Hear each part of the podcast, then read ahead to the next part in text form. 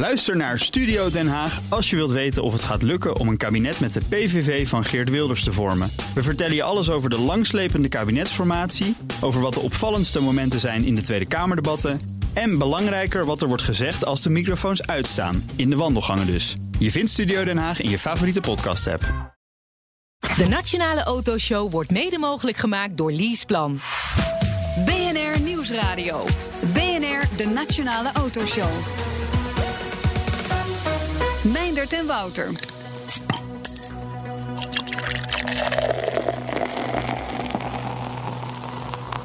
Oh, oh, oh, waren we al begonnen? Ja, blijkbaar. Oh, oh, sorry, ja, een beetje weekendgevoel zit er wel in. Heineken Dutch Grand Prix, gaat hij er ooit van komen? Ja, wie weet. En moet het dan een circuit of een, een, of een straatrace worden? Straatrace, denk ik. Straatrace? Ja, dat is wel leuk. hè? Ja, Rotterdam. Rotterdam Racing, ja, dat hebben we al een gat, hè? Ja, dat is al geweest. Amsterdam dus. nee. Ja. Nou, zover is het nog niet, eh, maar we mogen een beetje dromen, toch? Welkom, een uur lang alles over auto's en mobiliteit hier op BNR. Meepraten doe je natuurlijk via Twitter, het BNR Autoshow. En straks in deel 2 dan komen Tim en Tom Coronel. Ze gaan samen de Dakar Rally rijden in een auto. Nou ja, een auto, een soort monster buggy wordt het. Ja, de buggies, daar weet Tim eh, wel, eh, wel Ja. raad mee. Ja. De vraag is wat Tom ermee gaat doen. Die, eh, die, die, die valt alleen gaan maar uit. samen ja, in- samen. Ja, misschien is het een gouden duo. Wie weet, wie weet, als het maar goed gaat. When you drive, never drink. Zo, in één keer goed. Bam. Zo. Zit. Ik had er moeite mee hoor, om, die, om dat uit mijn hoofd te doen. Ik vind hem, eh, vind hem niet, niet makkelijk, maar goed. Maar, Maar goed, ik, het is wel eh, de- het ligt aan mijn intelligentie. Het is wel de boodschap waarmee Heineken ruim een jaar geleden de Formule 1 instapte. En te gast bij ons, hij is net terug van de Grand Prix in Mexico. Hans-Erik Tuit, Director Global Sponsorship bij Heineken, verantwoordelijk voor de sponsordeal met de Formule 1-organisatie. Welkom, leuk dat u er bent. Even terug naar eh, Mexico. Max Verstappen op zijn aller, aller, allerbest vanaf de allereerste ronde naar overwinning nummer drie uit zijn carrière met een gouden rand. Ja, soevereine winst eh, voor Max Verstappen. Ging eigenlijk bij de start gelijk al goed. Mooie quote ook nog van Max die daar voorbij kwam. Hoe, hoe was het om daarbij te zijn? Want ik heb het allemaal op de televisie gevolgd, helaas, vanaf hier. Ook wel heel mooi. Nou, het is, het is natuurlijk A, uniek om daarbij te zijn. We hebben in Mexico hebben wij een hele grote operatie. We hadden daar meer dan 200 klanten. Max was die ochtend nog bij ons eh, eh, in, eh, in onze suite om te uit te leggen wat hij ging doen en hoe hij het ging doen. Nou, dat vind ik ongelooflijk. En dat maakt, vind ik, dat Formule 1 ook weer heel erg dichtbij. En dat je dat zo dichtbij mee kan maken. Super relaxed. Ja, en als hij dan ja, als de, meteen die eerste bocht zo gaat. Ja, je hebt ook een extra gevoel bij iemand die je kent. Want Ja. dan kijk je sowieso als Nederlander, maar als hij dan 's ochtends daar staat, fantastisch. eh. Ja, maar dat is best bijzonder. Ook interviews voor de race en vlak daarna zie je bij, bij voetbal. Ja, daarna nog wel. Dan staan ze chagrijniger in, eh, in de microfoon wat te blaffen. Dat zijn maar jouw het is best, eh, nee, nou, het is vaak wel zo. Oh, ja, we hebben ons best gedaan. Eh, Max trouwens ook wel chagrijnig is. Maar, eh, dus- maar 's ochtends gewoon nog even bij jullie eh, even een biertje voor de ontspanning. Nog geen biertje. nee, maar dat komt hij bij ons in de suite. ver- Vertelt hij foto's, handtekeningen. Ja, echt super benaderbaar en echt heel positief. En zet de sport en zichzelf ook fantastisch neer. Ja, en hij had dus ook al gezegd wat hij ging doen. Dus voor jullie kwam het helemaal niet als een verrassing, die inhaalactie. Nou, ik kan je vertellen dat zelfs eh, in die eerste bocht dat je hartslagen in de, bij ons al iedereen ziet, oh wat, eh, wat gebeurt er. Maar uiteindelijk is iedereen super trots eh, om te zien wat er gebeurd is. We kennen Heineken natuurlijk ook als sponsor van bijvoorbeeld de Champions League, voetbal, rugby, James Bond, de, de films. Wa- waarom zijn jullie in Formule 1 gestapt? Ja, dus eh, misschien even goed uitleggen dat als, als Heineken sponsoren we altijd events die over de hele wereld heen gaan. Want wij zijn een global merk, we zijn Ja. in bijna elk land verkrijgbaar waar alcohol verkocht wordt. Dus je probeert iets. Een Ja, ik denk dat jullie ook wel verkrijgbaar zijn in landen waar geen alcohol verkocht mag worden. Maar dat, nee. Gaat dan onder de toonbank. ja, ja. Goed. Dus- maar daar kunnen we niks. daar kunnen we geen marketing bedrijven. Nee. Dus wij we willen graag sponsorships hebben die over de hele wereld heen gaan waar mensen over praten. Nou, Champions League is zoiets. eh, Ja. eh, rugby is zoiets, eh, James Bond, Holland Heinekenhuis. En, maar wat je ziet is dat, eh, en om even heel te chargeren... mijn vader had zeg maar één biermerk. De, onze generatie Ja. heeft vier, vijf... en de volgende generatie die aankomt heeft bijna 10, 12 zegt iets over loyaliteit... maar daar kunnen we het andere keer over hebben. Ja. En, en als je dan, we zijn het grootste internationale biermerk... als je die footprint wil uitbreiden en groter wil worden... Ja. dan moet je ook kijken van wat betekent dat voor je sponsorshipstrategie. En we zagen met Formule 1... 500 miljoen mensen die kijken daarnaar. Maar we zagen ook dat er 200 miljoen die nergens anders interesse in hebben in andere properties die wij sponsoren. Dus je raakt heel snel een hele nieuwe grote doelgroep aan.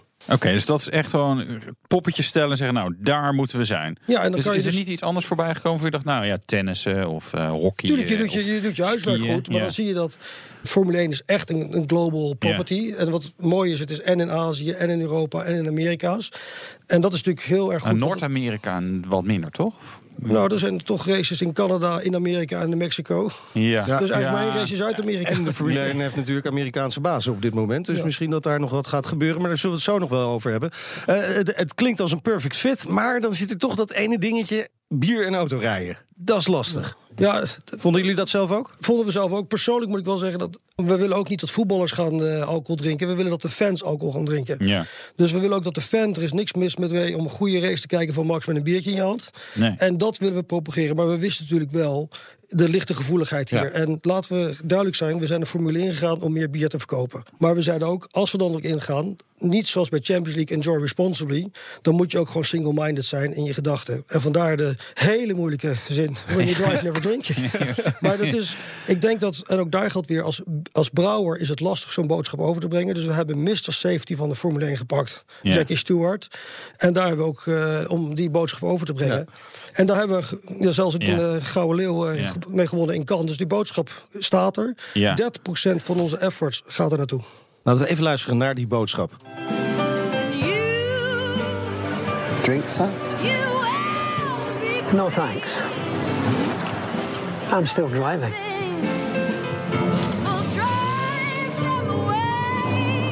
Vervolgens eh, scheurt hij weg in een eh, Jaguar. In het ja, jij zegt het. Het zal wel. Volgens Nee, mij wel. Ja, het zou- zou kunnen. F-Type. F-Type? F-Type, ja zeker. Volgens Maar mij, het is wel een, eh, het is wel een, een meneer op leeftijd, om Ja. het maar met respect te zeggen. ja, maar daarom vind ik de reclame zo mooi. Want we gaan helemaal terug in de tijd in de jaren 70. Ja. En dat je laat zien dat die. En dan zie je ook dat we uit onderzoek terugkrijgen dat mensen. Onder, zelfs de mensen die hem niet kennen zeggen: Nou, dat is echt een hero. Dat moet een legende zijn geweest. En de boodschap die eruit komt, wordt super positief ontvangen. Overigens, wat wel ook interessant is, dat Heineken, we vertellen al jaren dat het uit eh, 1873 komt. En dan zeggen mensen letterlijk in, in eh, Net onderzoek zoals terug Jackie van. Stewart ongeveer. Dus kijk hoe oud Heineken is. En dan hebben we het over 1970. Ja, ja, ja. Zo Een eeuw- eeuwtje ouder. Ja, Eh, natuurlijk drie, eh, drie eh, eenvoudig eh, wereldkampioen Formule 1. Eh, Hamilton is hem afgelopen Ja. weekend voorbij gegaan Precies. natuurlijk. Ja, ja, ja. dus, dus stiekem. Ik heb Max wordt natuurlijk als een soort eh, supertalent neergezet, maar er, er rijdt nog iemand anders rond die daar eigenlijk ook wel een heel leuk staartje al inmiddels ja, heeft. Ja, zelfs Stee eh, rijden er rond. Vettel ja, ook. vier. Ja, dat, dat is natuurlijk ook waar. Over eh, statistieken gesproken en cijfers. Eh, sponsoring doen jullie natuurlijk ook omdat het leuk is. Eh, maar ook wel om nou ja, de bierverkoop eh, en naamsbekendheid, et cetera, te vergroten. Hoe gaat dat? Helpt Ja. dit? Je bent een jaar bezig, hè? Ja, dus nogmaals, we sponsoren niet om mij bezig te houden. Het- sponsoring, ja, maar even, sponsoring is nooit een doel. Je doet sponsoring omdat je effectiever je doelgroep kan bereiken. Ja. Wat voor ons heel prettig is, we hebben net het eerste onderzoek terug. 25% van de Formule 1-fans die weet nu dat Heineken sponsor is. Wat in het eerste jaar heel hoog is. Bijna twee keer zo hoog als ons eerste jaar met Champions League. En 90% zegt dat we het heeft een positief sentiment over hoe wij doen. Nou, dat zijn fantastische cijfers in het eerste jaar. En dan Vanwege die slogan. Dat is, is dat dus we positieve gevoel We hebben natuurlijk more than a race. En hoe wij het doen. En we hebben natuurlijk in verschillende landen doen wij verschillende dingen. In Australië hadden we rudimenten op zaterdag. En hadden we gewoon general access passes. Dat gewoon mensen op een groot scherm Formule 1 konden kijken. En ook leuke bands konden zien. Dus je, je, ziet, je doet allemaal verschillende dingen. En dan kijk je wat het resultaat Ja, ja, van is. dus het gaat veel verder dan wat wij op televisie zien. Uiteraard. Het is, eh, als je kijkt, en daarom is More Than a Race ook de slogan van hoe wij het activeren. Want nogmaals, het gaat ons niet. Je ziet, het is. De, de, als de Formule 1 in town komt, dan zie je zo'n hele stad opleven. Nou, dus, Ja. En dat, daar voelt Heineken zich heel comfortabel bij. Ja, maar het is maar één stad in de hele wereld. En hebben als bijvoorbeeld Nederland, eh, als je Formule 1 wil kijken, dan zit je aan één kabelaanbieder vast. Dat is eigenlijk heel ouderwets. Hè? Dus eh, ik kan me voorstellen dat dat schuurt. Want je zijn ook best wel een merk wat een beetje digital en, en, en nieuw hip. En nou, je wil in de tijd mee. Dus waarom? Ik was, ik was zondagavond in Kreta en kon, kon het gewoon niet kijken. Want nou, we konden de televisie niet, niet kapen. Eh, Je moet wel je prioriteiten goed hebben. ja, ja, sorry. Ja, moest, moest, moest geld, moest, moest- dat was gewoon werk. Hè? Dat is gewoon werk. Ik schat gewoon lekker thuis op de bank. eh, ja, maar wil- je daar ook nog stappen in maken? Je zegt van jongens, eh, dit, dit, dit moet gewoon opener, een groter bereik eh, pakken. Het moet uiteraard een groter bereik. En digitaal is daar zeker een onderdeel van. Maar ik denk dat televisierechten voorlopig nog een heel groot deel van de inkomsten zijn eh, van Formule 1. En dat zal nog een tijdje blijven, ben ik bang. En Wouter, je kunt altijd de Duitse televisie eh, kijken. hè? Schitterend commentaar. Echt waar. Zometeen kan Heineken bijdragen aan de terugkeer van een Dutch Grand Prix. En wat betekent Liberty Global voor de Formule 1? En we doen de petrol check, Oh, leuk. Ja. BNR Nieuwsradio. BNR, de Nationale Autoshow. Zo dadelijk meer over Heineken in de Formule 1. Eerst is het tijd voor het nieuwsoverzicht van deze week. Nou, ik ben benieuwd, Wouter. Laten we beginnen Jij met ook. wel nieuws uit wel. de Formule 1. Want Ja. de regels gaan op de schop. Per 2021. Ja, we moeten er ze- even op wachten. Nog. Ze plannen altijd graag wat, wat langer vooruit. Hè? Is ook Eh, goed met autorijden, moet je ver vooruit kijken. Dat is natuurlijk absoluut waar. Het, eh, het levert wel meteen alweer gedonder op. Maar het idee is wel dezelfde motoren houden, maar ze moeten wat meer geluid gaan maken. Nou, daar is iedereen denk ik wel voor. Er zitten een beetje stofzuigers in, die 1.6 V6 motoren met turbo. Het moet wat eenvoudiger qua technologie, of eigenlijk vooral goedkoper worden. En je ziet ook een enorm verschil tussen nou ja, Ferrari, Mercedes, Red Bull, Renault misschien inmiddels ook wel een behoorlijk eh, budget. En de rest. Enorm succes van Aha. Honda en de Formule 1. Eh, Dat waar eenmaal, dat waar natuurlijk wel. Ja. Ferrari is boos. Dat zijn ze echt iedere keer als er iets wijzigt. Dus daar is echt helemaal niks nieuws onder, eh, onder de horizon. En zeggen, nou, eh, nu stappen we er echt uit. Als dit doorgaat, nou, dat roepen ze ook eh, altijd. Het is natuurlijk wel zo, Ferrari is echt vanaf het begin erbij bij Formule 1. Dus ja, kan je eh, F1 hebben zonder Ferrari? Ik denk uiteindelijk prima. Zelf de, denken ze natuurlijk van niet. Maar ze zetten er gewoon wel druk Het zou wel zonde zijn als Ferrari eruit. Maar dat zal wel niet gebeuren uiteindelijk. Uiteindelijk komen ze er elke keer gewoon weer uit. Ja. En anders helpt Mercedes Ferrari gewoon een beetje. Hè? Dat, dat gebeurt ook. Hey, automobilisten snappen de rijhulpsystemen niet. Blijkt uit onderzoek. Nee. Nee, ik weet je, en ik snap dit wel. Er komen steeds meer systemen op auto's. Hè? Adaptieve cruise control, side assist, eh, nou, noem het allemaal maar op. Lane assist. Eh, lane assist. eh, nou ja, die naamgeving is verwarrend. eh, en het zijn vaak... Een aantal van die systemen is, is, is, is ja, een soort semi-zelfrijdend. Daar heb je inderdaad uiteindelijk ook niet zoveel aan. Bijvoorbeeld adaptieve cruise control vind ik zelf wel weer heel erg prettig. Ja. Hè, je kan gewoon ja, je hoeft net iets minder op te letten. Dus je kan ietsje meer ontspannen. Maar ja, goed, de, de gemiddelde automobilist, jullie dus, lieve luisteraars, je zijn allemaal hartstikke gemiddeld. Eh, ja, ik denk, ik zeg het nu toch maar gewoon een keer ook namens Meijnert en Nout. Nee hoor, Ja, sorry. speak for yourself. Jullie zijn allemaal Eh, fantastisch. De ja, beste oh, coureurs je- op de oh, Nederlandse Jullie kunnen zo goed rijden. Echt. hebben dat allemaal niet Je nodig. herkent ze gelijk, de luisteraars. ja, nou, en goed. Eh, voor de rest dus, voor jullie buurmannen en buurvrouwen. Het wordt niet goed uitgelegd en jullie, jullie lezen de boekjes Nou, en, en, en we zetten ze gewoon uit, die rijhulpsystemen soms. Ja, soms nee, maar Want ik moet zeggen... zijn ook in- wel sommige Nou, gewoon die- echt de- bloedirritant. Ja, de, het tussen de lijntjes eh, rijden hulpsysteem, dat het anders heet bij de meeste merken, vind ik inderdaad ook meestal niet heel prettig. Maar adaptief cruise control en een botswaarschuwing vind ik, vind ik echt fijn. Nee, hoor. Vind ik echt absoluut. fijn. Oh, goed, eh Ford komt met de ideale mobiliteitsoplossing. Ja, daar is hij weer voor ons. Ja, een driftstick. En daar kun je lekker mee, eh, mee driften. Oh, ja. Handrembochtjes maken. Ja, en ja, als je dit activeert, dan, ja, dan blokkeert de lekker de, de, de achter, achterwielen. En dan, ja, dan gaat het een beetje glijden. Heel handig ook voor de gemiddelde BNR-luisteraar, Ja, denk ik. denk ik ook. Vooral als je niet van A naar B wil, maar gewoon rondjes wil driften. Fantastisch. Tot slot, moeten we het nog even over Tesla hebben? Ja, 620 miljoen dollar verlies. Gaat niet helemaal lekker. En vooral Model 3 productie, dat, dat schiet natuurlijk niet op. Ze hebben 260 exemplaren gemaakt vorig kwartaal. Ze wilden er 1500. Ze wilden ook nu al in de duizenden zitten qua productie per week. Dat zijn echt niet Het probleem schijnt vooral de enorme hoeveelheid robots te zijn in die fabriek. Die moeten ze allemaal instellen en dat lukt Ja. allemaal niet zo lekker. Mm, Ja, ja, nou ja, en de grap is natuurlijk, die eerste auto's, daarvan zeiden ze, ja, die gaan we alleen aan eh, werknemers Ja. verkopen. Ik dacht erbij, ja, dat is gewoon pre-productie. Dat hebben ze bij Audi, BMW, Mercedes, Volvo, Fiat ook Kunnen ze allemaal. merken wat er mis mee is. Hè, de eerste paar honderd auto's die we gaan testen, dan, die lijken af, maar zijn het niet. Eh, en ja, Tesla zit gewoon nog in die fase en heeft er minder ervaring in. Ik- Na het eerste kwartaal van 2018 moeten ze op 5000 Model 3's per week liggen. Zegt Elon Musk. Dus dat betekent dat ze dat in ieder geval ook al niet gaan halen. Want eigenlijk alles, al dat soort voorspellingen halen ze nooit. Ja, en, en, en na het eerste kwartaal van 2018 komt een hele hoop tijd. Ja, heel veel. De Petrolhead Check. En die doen we met de wereldwijde sponsorbaas van Heineken, Hans-Erik Tuit. Wat was eh, je eerste auto? Mijn eerste auto was een eh, Ami 6 met zo'n mooi schuin achterruitje. Ah, Zo, kijk. kijk, een, een dure goed. eend. Begint goed. Duur eend, ja. Eh, Formule 1-auto's halen topsnelheden van eh, ver boven de 300 km per uur. Wat is het hardst dat u ooit gereden heeft? Nou, niet veel boven de 200 ben ik wel. Ah, 200 is wel een mooie ondergrens. Droomauto. Is die er nog, een droomauto? Ja, kijk, als je als jonge man, als student een Ami 6 rijdt... dan droom je van zo'n hele mooie DS. en eh, ja, die zou ik nog steeds wel mooi vinden. Ja, dat is, maar die zijn goed betaalbaar, toch? Of betaalt Heineken zo slecht? ja. ja, vraag me dat dan toch. Of? Dus, nou, in Amsterdam lijkt me dat een lastige auto. Ja, dat is misschien... dat is niet wel- waar, want er rijden eh, procentueel het meeste DS'en zeg maar, in Amsterdam. Van any city eh, all over the world. Nou, Zelfs meer dan in Parijs. Zo, Ja, Meijnerd? Ver, ver-. Ja, Ik ja, wist het, van ik orde. wist het, ik wist het. ja? Prima. Prima? Ja, vind ik wel. Hè? Als nou die DS er komt, dan wordt het een uitmuntend. Dat spreken we af.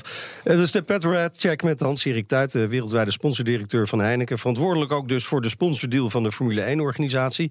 Jullie zijn naamsponsor van een aantal Grand Prix. China, Italië, Brazilië. Komt er binnenkort aan natuurlijk. Hè? Eh, laatste, eh, vooral Brazilië. Eh, wa- wat is jullie doel op de lange termijn? Willen jullie nog veel meer naamsponsor zijn van bepaalde Grand Prix? De doelstelling, eh, sponsoring doe je altijd voor lange termijn. We hopen dat we over drie jaar rond de 50% bekendheid hebben tussen de, de Formule Ik vind dat 1-fans. toch weinig. Ja, maar dan vraag ik even, weet je hoe groot het marktendeel van Heineken wereldwijd is? Best groot. Nou, gokkers, Nou ja, jeetje. 17 procent. 2 Oh, 2 2%. procent? Dus als je 2% marktaandeel hebt, je hebt 50% marktbekendheid... En, Ja. je, en je hebt je equity daardoor verbeterd bij zoveel mensen... dan Ja. kan daar een hele hoop verkoop Ja. eh, upside Nou, in ja, gaan. precies. Ja, maar moet het ook echt... eh, Heb je verkoopdoelstellingen? Zit hier ergens achter? Zeg van nou, het moet gewoon eh 3% marktaandeel zijn eh, Nee, maar je, maakt, over een jaar, twee, drie. je maakt natuurlijk je berekeningen van wat, hoeveel Ja. extra bier moet je verkopen... om zo'n groot sponsorship erbij te krijgen. Ja. Wat we zeggen, we hebben 200 miljoen mensen... en dan ga je berekeningen maken hoeveel je Heineken hier moet verkopen. Dus die, ja, en je ziet... We zijn met Champions League, gaan we door. Dus je ziet dat dat succesvol is. Ja. En met deze uitbreiding.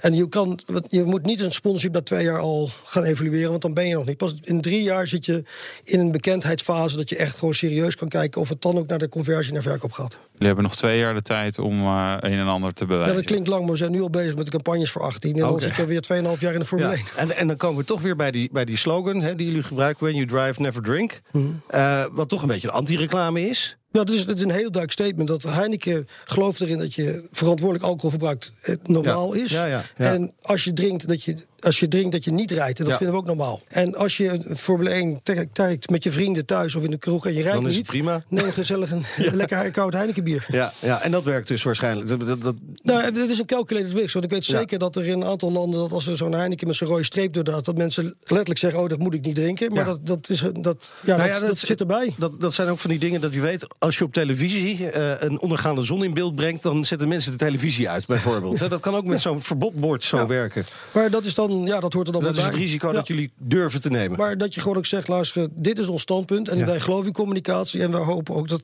En dat meten we ook om te kijken of we die gedragsverandering daar ook zien. Ja. Jullie hebben deze deal met Ecclestone eh, eh, gemaakt. Ja. Maar ja, die is opeens verdwenen. Hè? Was dat een verrassing voor jullie? Dat was een verrassing. Ja, dat eh, begin, vorig, ja, begin dit jaar dat er ineens een telefoontje kwam van... ik ben er niet langer. Dat is natuurlijk, eh, als je twee jaar bezig bent om deal te maken... dat is toch, ja, dat is toch even, oh, en nu? Ja. Maar Chase liep natuurlijk wel al een tijdje rond. Dus daar hadden we wel een band mee. Van en we wisten, wel, ja, we wisten wel hoe die erover nadacht. En past het goed? Het- Het past wat dat betreft. Weet je, ik geloof dat Formule 1 terug ja, groter moet worden en een groter publiek moet gaan bereiken. Dat is onze doelstelling ook. En dat is die van Liberty Global ook. En die zullen ook proberen ook dit- een echte eh, Formule 1 dichter bij de fans te, eh, te maken. Nou, dat is natuurlijk typisch iets wat Heineken ook wil. Wij zijn een inclusief merk. Ja. Ja, want eh, dat is misschien raar te beseffen voor mensen in Nederland. Want hier is Formule 1 natuurlijk hot en happening en alles en iedereen is ermee bezig. Maar eh, wereldwijd, het, het, het- het publiek is niet gegroeid voor Formule 1. Hè? Eigenlijk wat, er zit potentie, laten we het dan zo zeggen.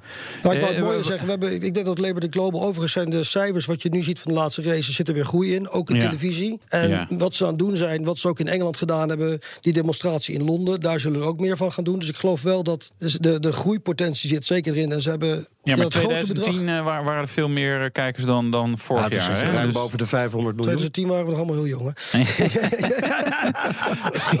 Het was ik nog 30. Ja. Mooie Dat oude is wel tijd. waar, ja. Ja, ja, nee, maar eh, ik kan me voorstellen dat je daar dan toch ook wel. Ja, Nee, maar we hebben, we hebben dat deal gemaakt vanaf eh, voor, vorig jaar. En we wisten, en daarom denk ik ook dat de deal tot stand kwam. Zij wisten ook dat Heineken ook een nieuw publiek voor ze aan gingen trekken. Ja. Ja, Maar jullie ja, hebben maar daar- jullie, jullie helpen daarin ook mee? Om, om Natuurlijk, mensen, als je ziet ja? wat voor activiteiten we gedaan hebben overal, is altijd om een jonger publiek naar Ja. binnen te halen. En wat gaat er aankomen? Wat gaat eraan? Nou, ook Om, in om de, het publiek nog dichterbij te krijgen. We hebben natuurlijk, ja, ik denk de, de activatie die we natuurlijk in, eh, in Mexico gedaan met Hardware was natuurlijk uniek. Ja. En dat je gewoon ook zo'n hele ja, de fans voor ziet. En het is ook een half stadion, dus dat, is, dat zijn mooie dingen. In Brazilië hebben we weer een hele grandstand met 2000 mensen die we gaan entertainen. En we zijn nu onze plannen weer aan het maken voor volgend jaar. En ik, eh, ja, als ik de plannen van Australië en China weer zie, dan heb ik daar hoge verwachtingen hoor je van. Kunt u een tipje van de sluier eh, lichten? Volgende keer.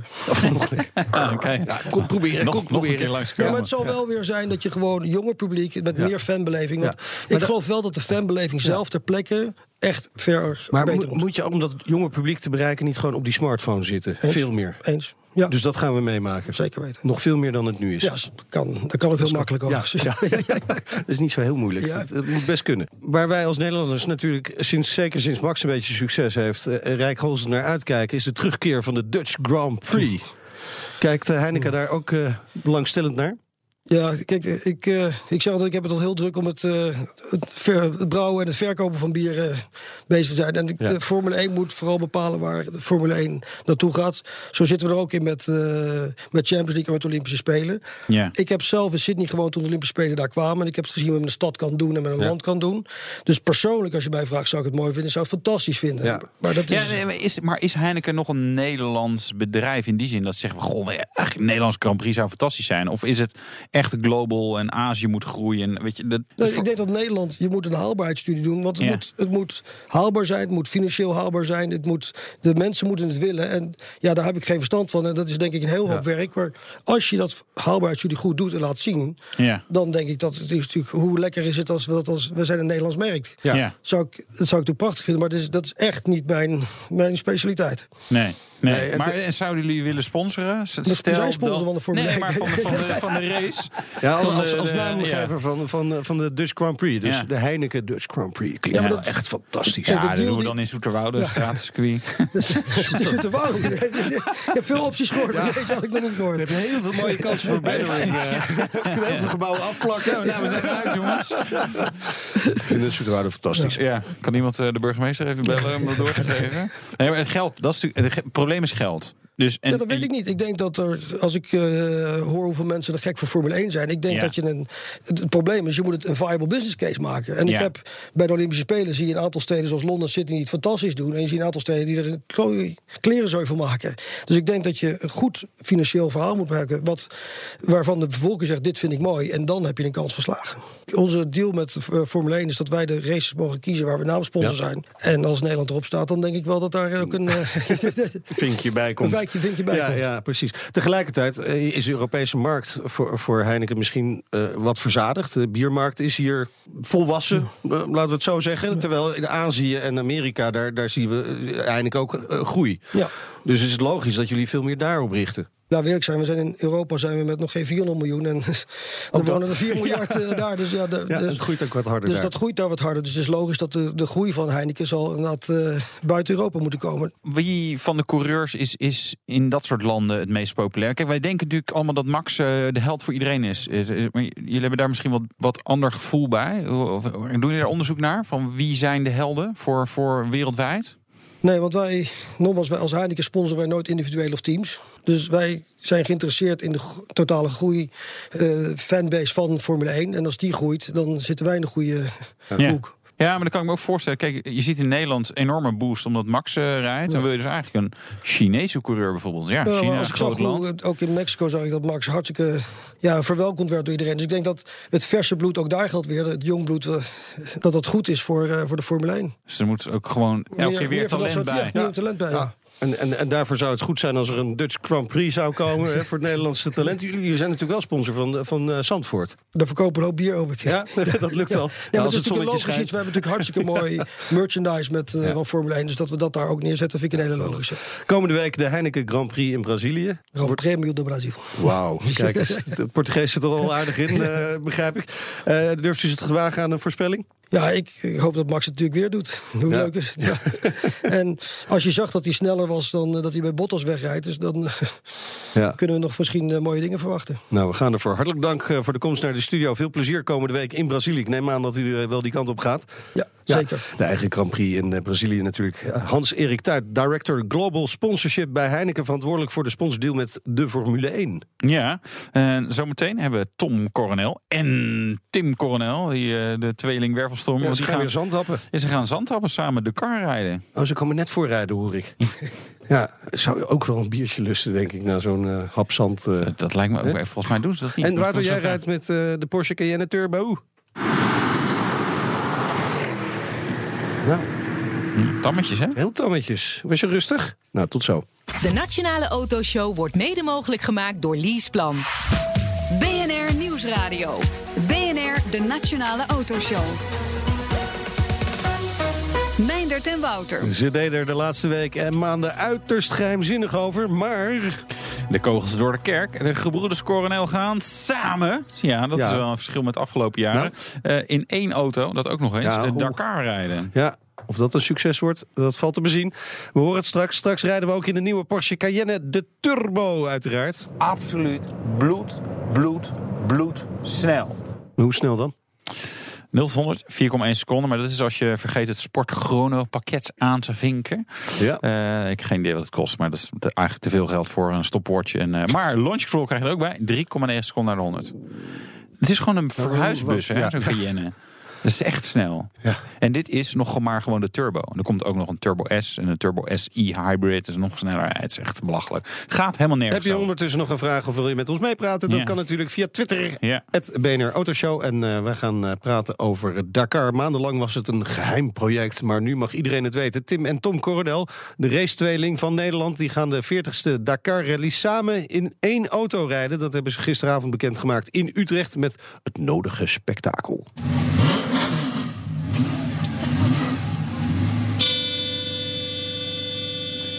De toeter werkt.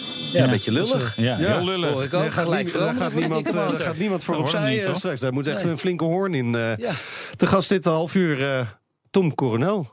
Tim is de weg kwijt. Nu al. Ja. Dat nou ja, belooft niet ik- veel goeds. Wie- hoe, hoe wordt de verdeling in de auto? Ja. Wie gaat er rijden, wie gaat er navigeren? Ja, Nou, ik denk dat jij beter eh, kunt gaan navigeren. Dat is, eh, dat is wel mooi. Hoe, hoe Ehm, hebben jullie, jullie hebben het in Argentinië hebben jullie al een keer gereden? Want toen heb ik jullie gezien. Klopt. Dat leuk, die leuke anekdote. Zal ik die nog een keer halen? Ja, ja, op de T-splitsing rechtdoor. Die was het, hè? Ja, ja, ja, dat was trouwens toen Tim de notes aan het lezen was.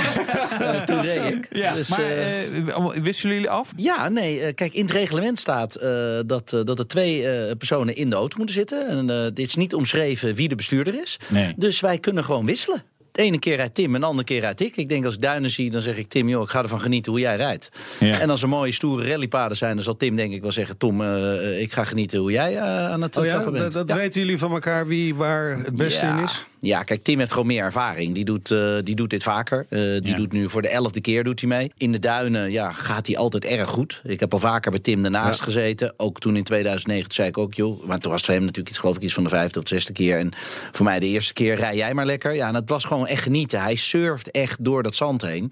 Ja, dat gaat vanzelf. Je moet doen waar je goed in bent. En Tim is beter in het zand dan ik. Oh, hij heeft natuurlijk ook gewoon wel eens een keer gewonnen. Ja. In, eh, dus dus ja, Dat klopt, is, hij is- Ja. hij- En Marokko heeft hij hij steeds talent. gewonnen. We hebben talent gevonden in de familie. Ja. Wat, wat fijn, Wauw, hè? 45 jaar oud en eindelijk het talent is ontdekt. Nou, nou, nou, Ja, dat, is werd een keer tijd. Beter later nooit. Nee, nou, precies. Eh, Maar, eh, maar jullie gaan dus samen in een... Het is wel weer een soort buggy-achtig, maar wel een buggy ja, dat een buggy monster. Hè? Formaat ja, Hummer ja. ongeveer, geloof ja, ik. nou, nou het, is, het is nog veel mooier. Het is gewoon de, de Robbie Gordon Hummer.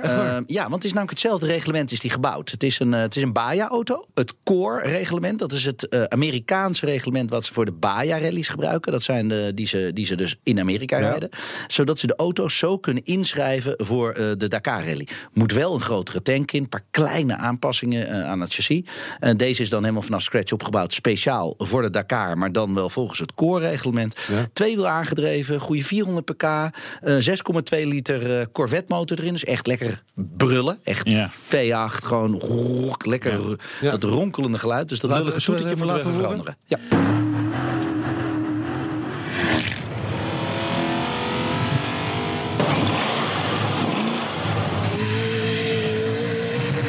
Fragmenten aan elkaar geplakt, hè? Voor Ja. de duidelijkheid. Ja, dit is volgens mij, als ik het een beetje kan inschatten, de testdag. Eh, dit is het geluid eh, van, ons, eh, van ons YouTube eh, Ja. van de test. Ja, klopt. Eh, terug te zien is op Tom Coronel Racing. Kijk. Ja, ja, nou ja, is voor de fans, hè? Voor de fans. Ja, ja, ja, Ik- We verdienen niks aan. jongens, het is niet commercieel. En niet commercieel. Ik zie jouw shirt, Tom, ieder jaar weer. Meer sponsorstops. Echt ongelooflijk. nou, dit is hetzelfde shirt die ik gisteravond Oh, aan had. Ja, nee, Dus- gisteravond was ik er niet bij. Want ik, Oh. ik wilde je niet drie keer zien in één Yo. week. Dat leek me echt te veel. maar dinsdag zagen we elkaar ook al. Ja, dat klopt. Voor iets anders. Dus dat gaat wel goed qua sponsoring, ja, toch? Dus, nou ja, kijk, weet je, wij hebben veel kleine sponsors. En je kan beter eh 20 van 20.000 euro hebben Ja. dan twee van 200.000 euro. Want als er dan eentje wegvalt, Ja. dan is er niks aan de hand. Tevens is, eh, we zien gewoon dat, de, weet je, de ene relatie vindt het leuk dat je met de kerstborrel komt eh, en eventjes die hummer daar over de parkeerplaats heen knalt. Eh, of onze biest in dit geval. Ja, dus ja, de- iedereen heeft zo zijn eigen Ja. behoeften. Dus ja, maar ze hebben natuurlijk wel, wat ik zie inderdaad ook je shirt. eh, Er staan heel veel namen op. Dus de zichtbaarheid is natuurlijk wel wat minder als je meer namen hebt. Ja, maar kijk, dat is heel makkelijk. Als je een half miljoen meedoet, dan sta je er groot op. Die heb ik nog niet gevonden. Kan de rest eraf. Ehm, ja. Maar nee, ik vind het überhaupt altijd leuk dat ook de kleinere bedrijven... dat die gewoon gepassioneerd zijn Ja. en dat ze ja, ons willen assisteren. En dat Wat, wij dat kost, wat kost het om eh, mee te doen? Eh, een, beetje, ik- beetje leuk. Ja, jij bent er redelijk weken? open in meestal, nee, toch? ik ben er heel open in. Ja. Ik bedoel, je mag zo de boekhouding zien. Maakt mij Ja. niet uit. Ik, vorig jaar heb ik, ik zeg even uit mijn hoofd, iets van 700.000 euro opgemaakt. Voor twee buggies, dus twee auto's. Ja, en nu heb je er maar één. Eh, nu heb je er maar één, maar deze is wel een klapje duurder. en hij moest ook opnieuw gekocht worden. De andere waren natuurlijk al afgeschreven. Ja. Ja. Ik denk dat we richting een 8,500 gaan. Kijk, we hebben natuurlijk een budget gemaakt. Die komt nu, nu al niet uit. Oké. Want we hebben al een extra versnellingsbak meegenomen, gewoon voor de zekerheid. Ja, nou, dat is toch ook wel weer eventjes eh, 11.000 euro die even extra mee moet. We nemen een monteur extra mee. Dan zal naar de organisatie 30.000 euro. Weet je, het komt nooit uit. Want hoe Dit groot is het autosport. team? Het team bestaat uit zeven man die meegaan naar de Ja. Dakar. Plus Tim en ik, dus totaal negen. Ja. Dat is het hele team. En Er gaat een vrachtauto mee. Er gaat nog een eh, persjeep mee met vier man. En dan eh, Tim en ik. Dus Ja. uiteindelijk ben je met, eh, met negen man. En Tim en ik eh, die komen dan bivak binnen. Dus na de proef. Dan eh, staat een soortement van camping voor je klaar. En dan wordt de auto ge- geserviced. Die wordt eigenlijk weer gewoon eh, netjes gemaakt. Dan Ja. kunnen we de volgende dag weer door, eh, Ja. doorknallen. Ja. Ja. Ja, of niet. Het kan ook na 10 meter klaar zijn. dat klopt. Maar daar gaan we niet van uit. Nee. Dat is wel het uh, horrorscenario. Dat is ook al de reden waarom wij zeggen... kijk, eh, je moet je sponsors al tevreden maken... eigenlijk voordat je weggaat. Ja. Want anders loop je gewoon veel te hoog risico. En dat is waarom Tim en ik ja, altijd, eh, denk ik, daar redelijk goed zijn in herrie maken. Ik denk als je vandaag social hebt overgeslagen... Kom je, eh, ja, kan je ons eigenlijk niet missen. Ja, kom je wel eens wat tegen, ja. Ja, sorry. Sorry voor de spamming. Geef Ja. niet. Ik, eh, we niet zeggen. 2009, zei je zelf al, was, eh, toen reden jullie met z'n tweeën. Ja. Waarom dan stoppen en dan nu weer wel weer met z'n tweeën? Nou, dat had er eigenlijk mee te maken. Ik, ja, ik doe natuurlijk ook heel veel op de circuits. Eh, Ja. De Ja. Noordslijven met, eh, met de Nismo, de GTR. Dan heb ik ook nog eens een keer eh, WTCC, het wereldkampioenschap toerwagens met Chevrolet. Dan rijd ik nog de Honda Civic, het Benelux Je kampioenschap. bent een bezig baasje. Ik je doe te wel veel. Nee, maar ik, doe, ik doe echt te veel. Ik Ja. bedoel, eh, de laatste drie weken, ik ben niet eens thuis geweest. Nou is dat niet erg. Ik bedoel, ik zit niet in de kroeg achter de meiden aan. Dus mijn meisje laat me ook wel een beetje gaan. Maar ik voel wel dat ik te veel doe. Dat Ja. merk ik. Nou, en met die buggy was het gewoon heel makkelijk. Ik zei gewoon, ik wil gewoon nooit meer alleen. Want dat doet echt pijn. Je gaat, iets, je gaat gewoon te diep. Het is, Ja. het, is, het is gewoon niet leuk. Nee. Eh, het is stoer, maar niet leuk. Nou, het zijn twee hele verschillende dingen. Dus als je het één keer gedaan hebt, ga je het niet nog een keer doen omdat je het leuk vindt. Nee. Nou, en dat had ik met Tim. Ik zei, joh, ik ga niet meer alleen, ik heb er geen zin meer in. En toen zeiden we, nou, dan moeten we wat anders gaan doen. En toen heeft Tim, eh, die heeft contact gezocht met, eh, met eh, Jeffries Racing in Californië. Want ja, weet je, je kan wel een Toyota kiezen, je kan wel een Mini kiezen, wat de rest heeft. Maar het moest iets mannelijks worden. Het- het ja, moet, je rijdt al je, in die WTCC-auto achteraan. in Ja, het daar ben veld. ik ook Je wel moet- veldvulling. Ja, nee, ja, Dus nee, moet je je nu wel even Ja, een nee, je beetje mannelijk. Ja, ik ben daar veldvulling. Ik heb trouwens wel twee races gewonnen vorig jaar. Niet vergeten. Had je ook niet verwacht. Had je ook niet verwacht. Nee, nee, dat is wel Maar ehm, nee, dus toen zeiden we, het moet wel een beetje Coronel geloofwaardig zijn. Het moet een publiekslievelingauto zijn. Want ik bedoel, eh, Tim en ik zijn echt wel publiekslievelingen... doordat we alleen in die buggy zitten. Dus echt, als je 18 hier binnenkomt... je wilt niet weten, die dorpen... dan hangen er gewoon vlaggen. Dat is echt serieus. Robbie Gordon of Coronel. Zo erg is het. En echt de rest niet. Hè? Geen Saints, geen Nasser Al-Attiyah. Dat slaan ze allemaal over.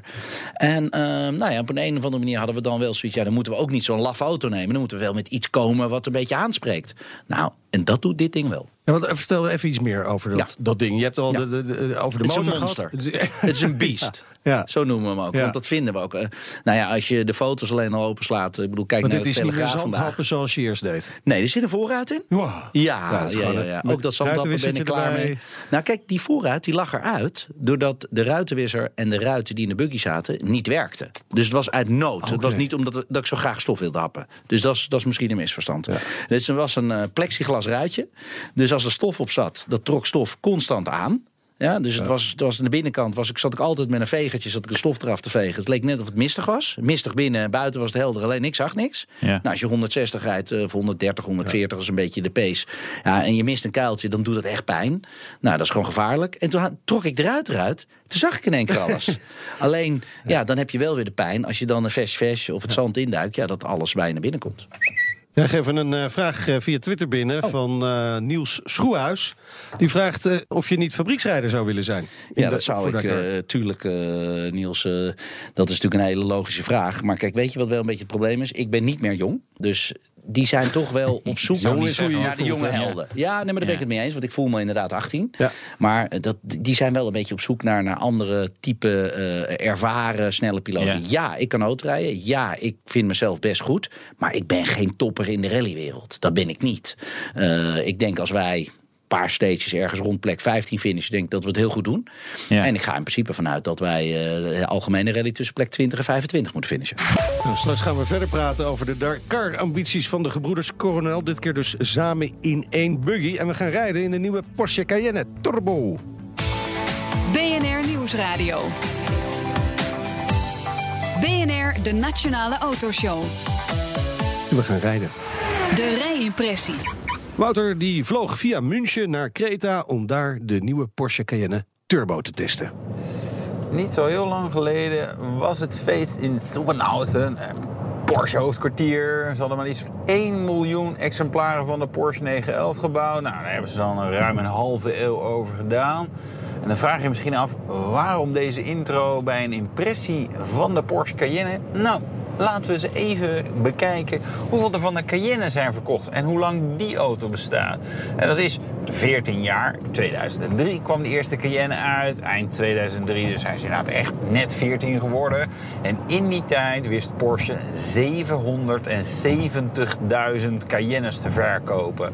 Dat betekent dat als jullie voortaan aan Porsche denken, jullie natuurlijk aan de 911 mogen denken, maar daarachteraan moet meteen SUV's. Want ook de Macan doet het fantastisch in de verkoopstatistieken. Maar die Cayenne, ja, daar begon het mee. En ja, mensen huiverden daarvan in het begin. En ja, dit was niet helemaal Porsche-waardig. En ja, er kwamen later ook nog diesels. Ergens kan ik het wel zien waarom zo'n Cayenne zo populair is. Want het is gewoon een briljante auto. Hij heeft en die Porsche badge. Ja, dat telt nog steeds mee. Dat weten jullie ook allemaal. Eh, maar ook sublieme afwerking van een Porsche. Stuurt goed. Is ook echt snel. Nieuwe Cayenne is ook absoluut bloed, bloed, bloed snel. 5,9 seconden naar de 100. Nou, controleer de specificaties van je eigen auto maar eens. Er zijn er niet zoveel die dat halen. En dat is de instapper. De instapper met een V6, met één turbo. Dat is feitelijk blok wat van Audi vandaan komt. Audi S4 blok. Maar 340 pk. Maar daarmee sprint de Cayenne al zo hard naar de 100. Dan hebben we nog de Cayenne S. Die heeft een blok wat lijkt op het blok van de RS5. Een 2,9 liter grote V6. Twee turbo's. 440 pk. 4,9 seconden naar 100. En nu komt het bizarre, want de Cayenne Turbo is slechts het voorlopige topmodel. Hè. Maar er komt altijd nog een Turbo S. En we weten ook dat er een Turbo SI Hybrid komt. Hè, met die mooie hybride techniek die ook in de Panamera zit. Maar de normale Cayenne Turbo, zoals die nu op de markt zit, sprint even snel naar de 100 als de aller, aller, allerdikste 911 uit de jaren 90. Namelijk een 911 GT2. Die deden 3,9 seconden over en dat was destijds bloedsnel. En een Cayenne Turbo, een SUV, een verhuisbus met heel veel ruimte... waar labradors in mee kunnen, inclusief het hele gezin. Alle bagage waarmee je kan offroaden, doet het ook in 3,9 seconden. Topsnelheid van de Cayenne Turbo, 286 km per uur. Maar goed, al die cijfers heel mooi, maar de rest is ook mooi. Standaard luchtvering, de overige Cayennes is dan een optie. Bijna iedereen bestelt dat mee overigens. Drie kamer luchtvering betekent dat je grote spreiding hebt. En je kan veel lucht harder en zachter oppompen. Uh, en daarmee ja, of heel sportief of juist veel comfortabeler. En je kan die auto mooi vlak houden. Want de stabilisatoren die zijn ook nog eens elektrisch aangestuurd. Met 48 volts boordnet. Daar kan je allemaal mooie elektronica dingetjes mee doen. Andere mooie elektronica dingetjes. Wil je nog iets leuks weten? Nest, kennen jullie dat? Van de thermostaten en de rookmelders. Nou, de Cayenne kan daarmee communiceren. Dus dan krijg je voortaan een berichtje als je huis in de fik staat. Gewoon in je Cayenne op de Navi. Hoe handig is dat? Ik voelde een licht cynisch toontje op het einde, Wouter. Ja, licht hè? Licht, ja. Ja, je kan Ja. ook je thermostaat instellen. Maar daarvan vroeg ik me inderdaad ook af... Ja, als je een Cayenne kan bestellen, betalen... Dan zet je dan je thermostaat lager? Nee, dan heb je iemand in huis die dat voor Nou, je dat doet. kan natuurlijk ook, ja. Nou, hoezo? Nee.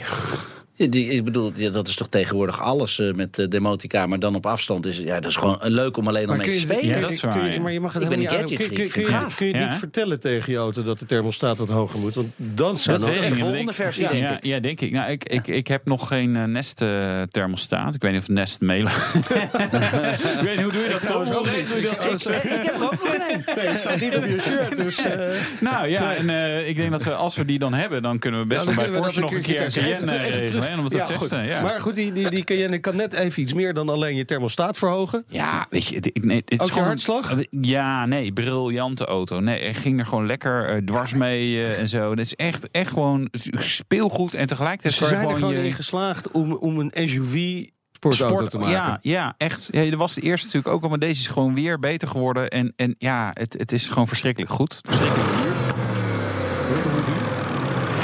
Duur. Te duur.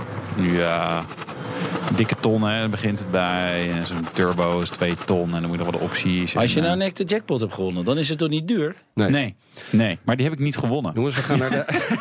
Ook zo'n ding. Dat is het probleem. Dat ze even Ja. bij de jackpot opletten. Dat hij hem graag wil winnen.